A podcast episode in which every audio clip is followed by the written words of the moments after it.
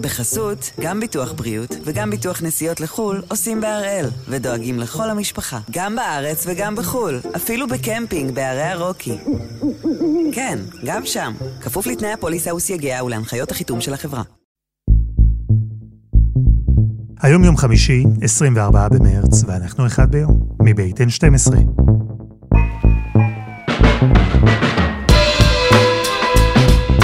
אני אלעד שמחיוף, ואנחנו כאן כדי להבין טוב יותר מה קורה סביבנו, סיפור אחד ביום, כל יום.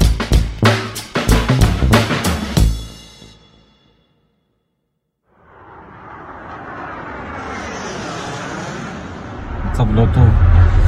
יש הפגזות, יש הפצצות. אמ, מארבע בבוקר אנחנו לא ישנים. קמנו בארבע מפיצוצים.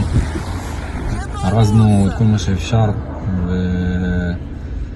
ויצאנו לדרך. בינתיים אנחנו נוסעים ערב למקום טוב לך, יותר בטוח, עודד יותר כאן. מקייב, בערבו של יום הלחימה הראשון, יום קשה מאוד שעובר על אה, אוקראינה בכלל ועל קייב בפרט, ואעדכן אותך על הדברים האחרונים שמתרחשים. אנחנו בדיוק חודש מאז שהצבא הרוסי פלש לאוקראינה. זה קרה ב-24 בפברואר 2022. הפלישה הרוסית הגיעה, אני מניח שכולכם זוכרים, אחרי שבועות של תזוזת כוחות, שבועות של הערכות מודיעין, של אזהרות, של איומים, שבועות שבהן כל מה שאמרו שעלול לקרות, באמת קרה. אבל אנחנו כבר חודש אחרי, ואם המערב קלה בול במה שפוטין יגיד, מה שהוא יעשה, איך הוא יתרץ את הפלישה, בעצם זה שבכלל תהיה פלישה, אז בחודש האחרון ראינו לא מעט הפתעות. היו תרחישים שאיש לא העז לדמיין שבסוף התממשו. ובמקביל היו תרחישי אימה שכולם היו בטוחים שיקרו, אבל לא קרו. אז הפעם אנחנו מסכמים חודש של לחימה באוקראינה. נתחיל עם מי שהייתה שם גם לפני וגם אחרי שהצבא הרוסי פלש. כתבתנו אפרת לכטר.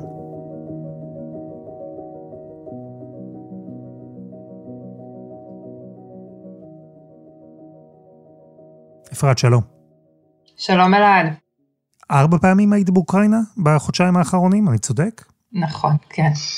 והאוקראינים שפגשת לפני הפלישה, או את יודעת מה, גם אחר כך, הם האמינו שנגיע לרגע שבו אנחנו מסכמים חודש למלחמה כזו שמתרחשת במדינה שלהם?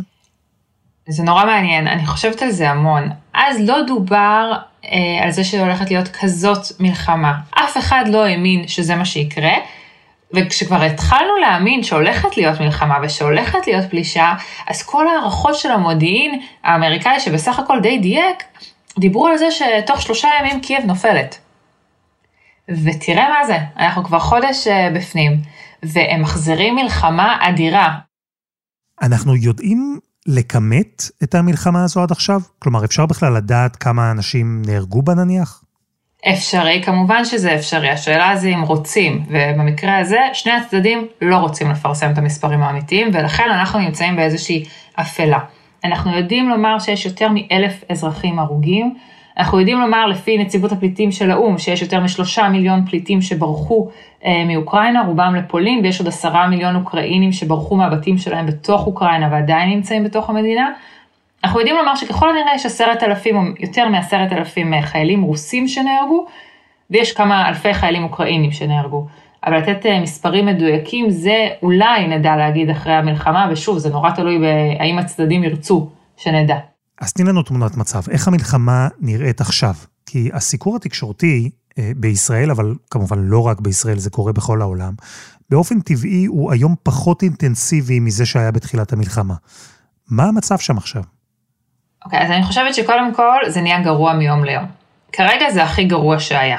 וזה חשוב לי להגיד את זה, כי אני חושבת שככל שהימים עוברים, מטבע הדברים, גם החדשות נדחקות. האירועים באוקראינה הופכים להיות משהו של השגרה, והם כבר לא יהיו הידיעה הפותחת של המהדורה, אלא יותר מאוחר, גם בישראל, גם במקומות אחרים, וזה נורא מסוכן, כי המצב הוא בדיוק הפוך. כי כרגע במריופול, יש אנשים שהם נצורים בעיר בלי מים ובלי אוכל, איזה אסון הומניטרי עצום, בקנה מידה אדיר בשנת 2022, והעולם מתחיל להתרגל. I feel uh, empty. I have nothing. My home destroyed, my city destroyed, everything. Where is your family? I don't know. I know what um, I know what my family I live, but I don't know where. Can you describe to me what happened to your to your street, where you live? Ah, uh, what happened? It's um, bomb. Uh, הרי הרוסים אמרו יהיו פרוזדורים הומניטריים, אנחנו ניתן לאנשים לצאת. האנשים ממריופול שניסו לצאת אתמול, מצאו את עצמם ברוסיה. וזה מאוד מאוד מדאיג מה הולך לקרות לאותם אזרחים שמנסים עכשיו לצאת. אנחנו שומעים על עוד ערים שהם ככל שהזמן עובר נכבשות. עכשיו זה נכון שזה לא בקצב שפוטין רצה, וזה נכון שהם מחזירים מלחמה מדהימה, אדירה, אה, עיקשת, אבל עדיין, אה, הצבא הרוסי נמצא בחרסון, נמצא במריופול, נמצא בחרקיב, נמצא במליטופול, מחוץ לקייב, אירפין, הפכה לעיי חורבות. האסון כרגע, ההומניטרי, הוא פשוט אדיר, אני חושבת שייקח לנו עוד המון זמן להבין את הממדים שלו, ולכן נורא נורא חשוב שעדיין תשומת הלב העולמית תהיה, כי אם יש זמן להתחיל התערבות אמיתית בשטח, זה הזמן. שבאמת אזרחים תמימים מתים כתוצאה מזה שאין להם אוכל ומים. אז יש ערים אוקראיניות שנמצאות תחת שליטה רוסית. יש ערים שנראה כאילו עומדות להימצא תחת מצור. יש תנועה של כוחות רוסים שנמשכת לכיוון מרכז המדינה. ואם בתחילת המלחמה, לפני חודש, מערב אוקראינה, האזורים שיותר קרובים לגבולות עם סלובקיה, במיוחד עם פולין, אם הם נחשבו לאזורים בטוחים יותר, אנחנו ראינו בימים האחרונים שהרוסים מפגיזים גם אותם. נכון, לפני כמה ימים אה, בלביב אני מתעוררת בבוקר עם אזעקה, שזה משהו שאנחנו שומעים כל יום, וצריך להגיד שאנשים מאוד אדישים כבר לאזעקות האלה, כי זה באמת כל הזמן, אבל הפעם יש הפגזה על אה, מתקן אה, להחזקת מטוסים, אה, סמוך לשדה התעופה של לביב. זאת אומרת שפוטין הפציץ את העיר הבטוחה, הסייף זון, שנמצאת קרוב לגבול עם פולין. זה איתות לנאטו, תראו, אני גם פה. אז הוא בהחלט מרחיב את ההפגזות האוויריות שלו, ואת זה אנחנו רואים. אין מה לעשות, הוא נדחק, הוא כרגע עם הגב לקיר, הוא יעשה כל מה שהוא צריך, בגלל זה שוב אנחנו שומעים את האיום בנשק קימי, בנשק ביולוגי. זה דברים שקיימים אצלו בארסנל, והוא יכול להשתמש בהם עכשיו, ויש חשש אמיתי שהוא, שזה מה שהוא הולך לעשות, שככל שהלחימה לא תתקדם כמו שהוא רוצה, זה יכול לקרות. יכול להיות שעדיין בעצם המטרה שלו זאת uh, מזרח אוקראינה, שהוא רוצה לספח את קרים ואת כל האזור של המזרח, הוא רוצה לייצר לעצמו איזשהו פרוזדור uh, של מזרח אוקראינה ולצרף את השטחים האלה יחד עם חבל דונבאס לרוסיה. ואם גם מסתכלים על איזה כוחות נמצאים איפה, אז הכוחות הרוסים המובילים הם אלה שנמצאים במזרח, היחידות המיוחדות שלו הם במזרח, הם לא בקייב. ויכול להיות שקייב היא לא המטרה, יכול להיות שכל הסיפור הזה בקייב זה רק להפעיל לחץ, להסיח את הדעת, ובינתיים החזית המזרחית היא מה שמעניין אותו, ושם הוא הולך בכל הכוח. אז כן, חודש עבר, ועדיין לא באמת ברור, עדיין אי אפשר ממש לענות על השאלה מה פוטין רוצה. מה המטרה במלחמה הזו שמתנהלת באוקראינה? מה יספק אותו? מה יוביל להפסקת אש? גופי המודיעין של המערב הם יודעים הרבה. אבל סימן השאלה הגדול הזה הוא עדיין שם. ועדיין, מה פוטין רוצה זה רק חלק מהתמונה. כי אלוף במילואים עמוס ידלין, ראש אמ"ן לשעבר, היום עמית מחקר בכיר באוניברסיטת הרווארד, הוא אומר שיש עוד חלק, עוד פיסה חשובה בפאזל המודיעיני, ואותה המערב דווקא כן יודע. וזה מה פוטין רצה, ומה הוא לא רצה. וזה שנהיה כאן כולנו יחד, ונסכם חודש של מלחמה באוקראינה. כן, במיוחד מי שלא חשב את זה, זה ולדימיר פוטין, שבעצם אה, הפסיד את המלחמה שהוא רצה להילחם. הוא ציפה לסכסוך קצר, חד, הוא בכלל קרא לזה לא מלחמה אלא מבצע מיוחד, ופתאום גילה, א', שהצבא שלו מתפקד הרבה פחות טוב ממה שהוא חשב, אבל גם ההתנגדות האוקראינית היא אה, יעילה ועוצרת את הכוחות שלו בהרבה מאוד מאמצים. האמריקאים, אה, היה להם מודיעין מאוד טוב על התוכניות של פוטין. וברור לגמרי אה, שהמבצע הראשוני שהוא יצא אליו לדרך, המבצע הזה נכשל.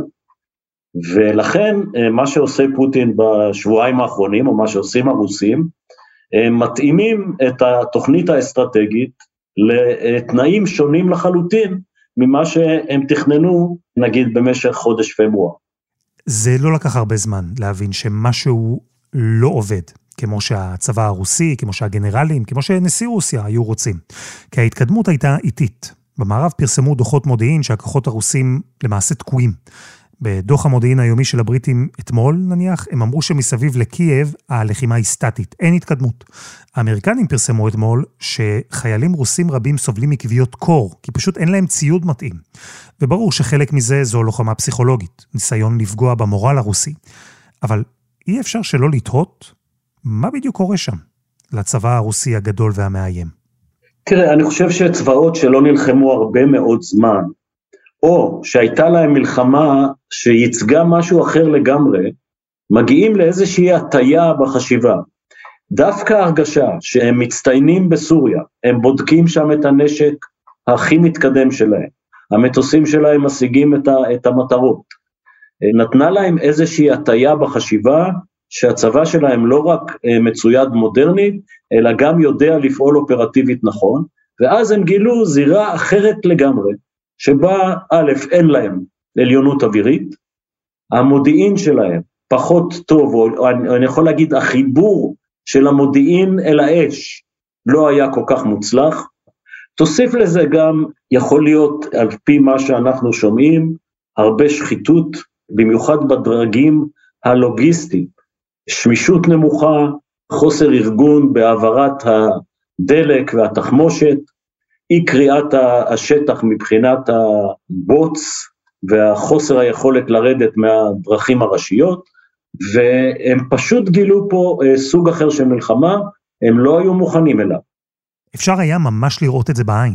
את הרגע הזה שבו הניסיון למלחמה מדויקת יותר, מדודה, מתונה יותר, שהניסיון הזה נזנח. במקומו, הרוסים התחילו להפציץ באופן מסיבי ובלי הבחנה. וזה הרגע שבו התחלנו לראות ממש את המלחמה, כמו שאנחנו רואים אותה עכשיו, כמו שלמדנו להכיר גם מלחמות קשות אחרות בהיסטוריה. ואל מול הכישלונות של הרוסים, חודש אחרי שהתחילה המלחמה צריך גם לדבר על הצד השני, הצד שמפתיע אולי בעמידה האיתנה שלו, וזה הצבא האוקראיני.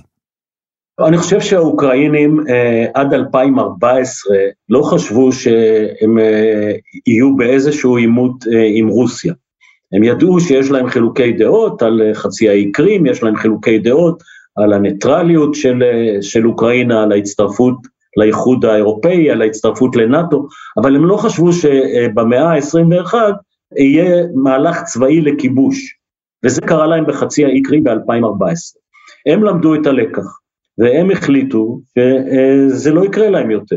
ושמה בשנים האחרונות הם צברו הרבה מאוד ניסיון קרבי. והאוקראינים עם אה, אמצעי הגנה טובים שהם קיבלו, והיכולות שלהם מתוך הכרת השטח, תוסיף לזה מוטיבציה, בעיניי דבר מאוד מאוד חשוב, לפעמים הרבה יותר חשוב מאמצעי הלחימה, והרי לך העובדה שהצבא האוקראיני, בניגוד לציפיות של כל המומחים, אה, הצליח לעצור את התנופה הרוסית, למנוע את השגת היעדים. עדיין אנחנו לא צריכים לעבור מהצד של הרוסים עושים את זה כסכין בחמאה, לצד שהרוסים נכשלו סופית.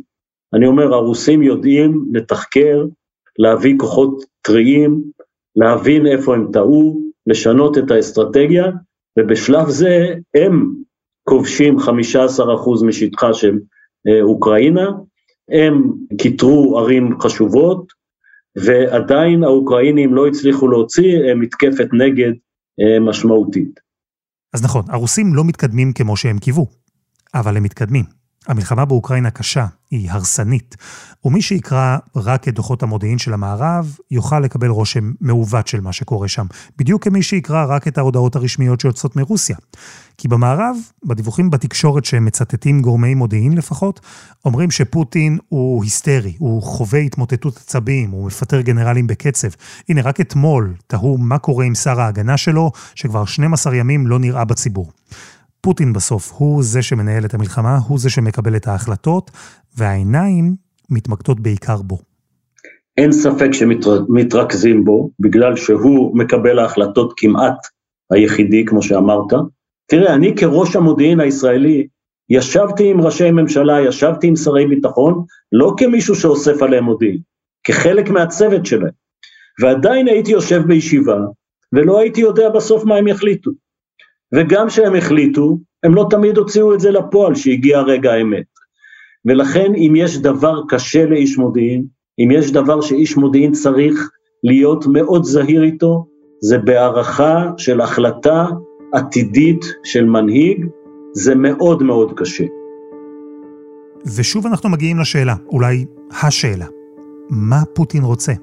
שמעתם, מראש אמ"ן לשעבר, לכל גוף מודיעין יהיה קשה לענות על השאלה הזו, כשמולו ניצב מנהיג ריכוזי כל כך, שהרציונל שלו הוא שונה מאוד מזה של מנהיגים מערביים. כי בחודש האחרון, בחודש שבו מתנהלת המלחמה, רוסיה הפכה למדינה שמוטלות עליה הכי הרבה סנקציות בעולם.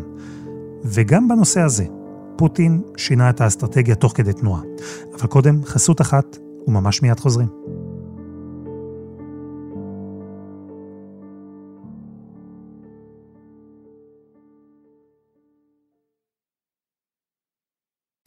בחסות, גם ביטוח בריאות וגם ביטוח נסיעות לחו"ל עושים בהראל, ודואגים לכל המשפחה, גם בארץ וגם בחו"ל, אפילו בקמפינג בערי הרוקי. כן, גם שם, כפוף לתנאי הפוליסה וסייגיה ולהנחיות החיתום של החברה.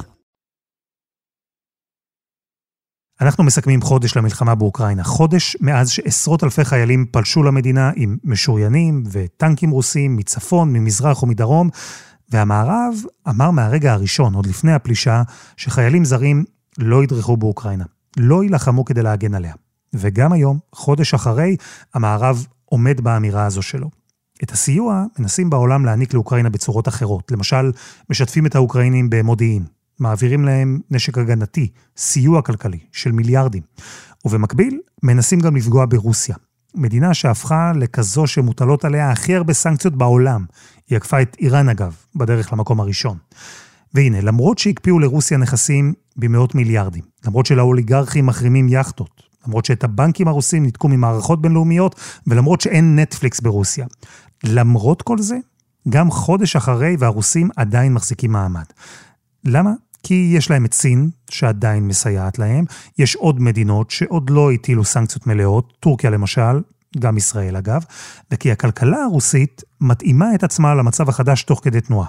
אתמול לדוגמה, ברוסיה הודיעו שכל מדינה שרוצה לרכוש גז רוסי תיאלץ לשלם ברובל, המטבע הרוסי. וזה הקפיץ את הרובל למעלה לשיעור הגבוה ביותר שהוא היה בו מאז שהתחילה הפלישה. כלומר, זה משחק כזה, שבו כל צד מחכה לראות מי יישבר ראשון. כל צד מנסה להפעיל לחץ על הצד השני ולהתחמק מהלחץ שמופנה אליו. ובתוך כל זה, בתוך כל המשחק הזה, נמצאים האזרחים, והם אלה שסובלים. כי להם אין את הזמן או היכולת לחכות ולראות אם פוטין יחזיק מעמד או המערב, הם אלו שנאלצו לברוח בהמוניהם. והם אלו שגלעד שלמור נמצא איתם עכשיו. הפליטים. שלום גלעד. שלום אלעד. איפה אנחנו תופסים אותך? אתה תופס אותי בתחנת הרכבת אה, בעיר לביב, אה, ועבר חודש וזרם הפליטים אה, עדיין נמשך, וממש רואים את זה מול העיניים כרגע. עוד ועוד ועוד אנשים עם מזוודות, שהדבר היחיד שמשתנה זה המיקום שממנו הם מגיעים. היום הם בעיקר מגיעים מהעיר הנקטשת של מריופול. שעברה פשוט קטסטרופה. הם מספרים על אה, כמעט 100% מהעיר שנקטשה לחלוטין, נזק שייקח עשרות שנים לתקן. אה, שכמעט שום דבר לא נשאר, לא בתי ספר ולא אולמי הופעות ולא אולמי ספורט, פשוט הכל הושמט שם עם חיילים רוסים שנמצאים ברחובות ויורים באנשים במהלך מסדרונות הומניטריים. ואתה שומע סיפורים, ואתה רואה את העיניים נעצבות, ואתה רואה את הכל אה, נשבר, ואתה מבין שממש מתרחש, מתרחשת כאן קטסטרופה קשה. לאן הם הולכים? הם יודעים בכלל? כן, לרוב יש איזשהו יעד, הרבה מהם אה, יוצאים לפולין, הם אה, בוחרים את פולין בגלל שיש בה איזושהי זהות תרבותית וגם לשונית. האוקראינית והפולנית הן מאוד דומות זו לזו. הם מעדיפים אה, לצאת לשם, זה גם אה, דרך נוחה לצאת למדינות המערב, גם מי שלא מתכוון עכשיו להשתקע בגרמניה או באנגליה, רוצה לצאת ולהתפרנס במדינות האלה ולשלוח כסף חזרה הביתה, כי הכלכלה האוקראינית משותקת לחלוטין. אה, יש כאלה שמגיעים לכל מיני אזורים שהם לא אזורי לחימה באוקראינה, אוקראינה היא מדינה עצומה, השנייה בגודלה באירופה, אחרי רוסיה. אז לא כל האזורים הם אזורי לחימה. אבל אה, שוב, גם בגלל שאין איך להתפרנס וגם בגלל שהאזעקות כאן הן לא כמו בישראל, כלומר, אתה יכול אה, לעמוד במקום ולשמוע אזעקה אה, שתאותת לך על רקטה שנופלת 200 קילומטר ממך. וזה מייצר הרבה מאוד לחץ וחרדה, אז גם כשאתה לא ממש באזור לחימה, אבל כשאתה שומע אזעקות כל היום, אגב, כמו אצלנו בלביב, אז זה יוצר הרבה מאוד פחד, הרבה מאוד לחץ, ואנשים רוצים לברוח מהלחץ והפחד הזה, אז הם בוחרים לברוח מהמדינה, הגם שבאוקראינה יש מקומות שהם אה, בטוחים למדי. אנחנו נמצאים חודש מאז שהתחילה המלחמה. זו כבר לא מלחמה קצרה. ואני תוהה, גלעד, עם האנשים האלה שאתה פוגש. הם האמינו או מאמינים שהם יוכלו לחזור הביתה בקרוב, או שאתה רואה שהם ממש נערכים לאפשרות שהם עכשיו עוזבים את אוקראינה לחודשים, ואולי אפילו יותר. זו נקודה שבדיוק אה, היום נאלצתי להרהר בה, כי פתאום אתה באמת שומע איזשהו שינוי. אם בהתחלה התפיסה הייתה שהכל נורא זמני, אנחנו לוקחים תיק קטן כי לא צריך ליותר זמן, והאוקראינים הם אה, חזקים ונחושיים, ובסופו של דבר, אה, תוך שבוע או שבוע וחצי פוטין יבין שהוא לא יצליח להגשים את היעדים שהוא הציב לעצמו והוא כנראה יצא החוצה.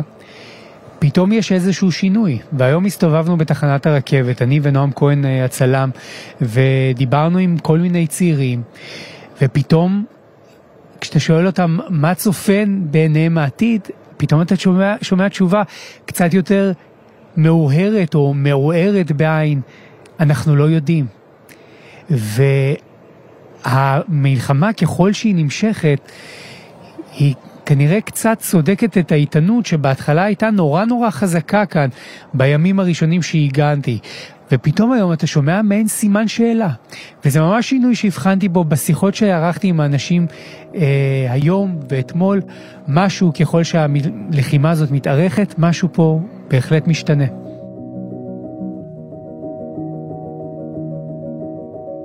וזה היה אחד ביום, של N12. תודה לאפרת לכטר, גלעד שלמור ולאלוף במילואים עמוס ידלין. העורך שלנו הוא רום אטיק, תחקיר והפקה דני נודלמן, רוני ארניב ועדי חצרוני.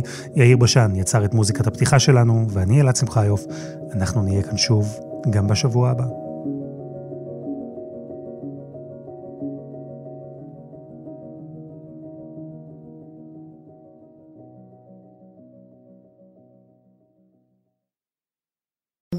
בחסות, גם ביטוח בריאות וגם ביטוח נסיעות לחו"ל עושים בהראל, ודואגים לכל המשפחה, גם בארץ וגם בחו"ל, אפילו בקמפינג בערי הרוקי. כן, גם שם, כפוף לתנאי הפוליסה וסייגיה ולהנחיות החיתום של החברה.